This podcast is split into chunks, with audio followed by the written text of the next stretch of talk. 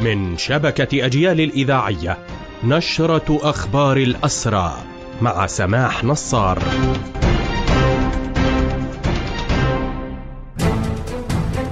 أهلا ومرحبا بكم إلى هذا اللقاء. حذرت هيئة شؤون الأسرى والمحررين من تصعيد سلطات الاحتلال لاستهداف واعتقال الأسرى الذين تم الإفراج عنهم ما قبل السابع من أكتوبر ورغم أنهم كانوا قد قضوا سنوات طويلة في سجون الاحتلال. أيضا أشار نادي الأسير إلى أن الاحتلال صعد من استهداف واعتقال عائلات كاملة بعد السابع من اكتوبر وأشار في هذا الصدد إلى أن هذه السياسة تشكل إحدى أبرز السياسات الثابتة والممنهجة التي استهدفت بشكل أساسي عائلات الأسرى والشهداء وذلك منذ السابع من أكتوبر.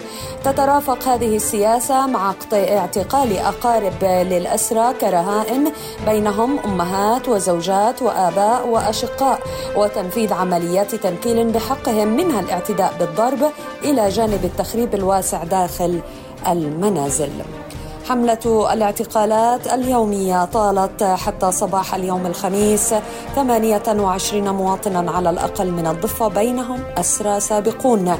تركزت عمليات الاعتقال في جنين وتوزعت على رام الله بيت لحم نابلس طول كرم أريحة والقدس المحتلة.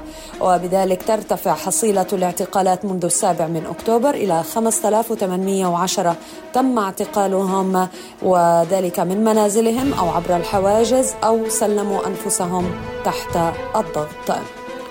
نواصل في أخبار هذه النشرة. أيضا هيئة شؤون الاسرى والمحررين أفادت بوجود قائمة جديدة أصدرها الاحتلال بأسماء أسرى تم توجيه تهم الاعتقال الإداري أو تم توجيه أحكام الاعتقال الإداري لهم. وتتراوح هذه الأحكام بين ثلاثة وتسعة أشهر وقائمة يوم أمس شملت أكثر من أربعين مواطنا.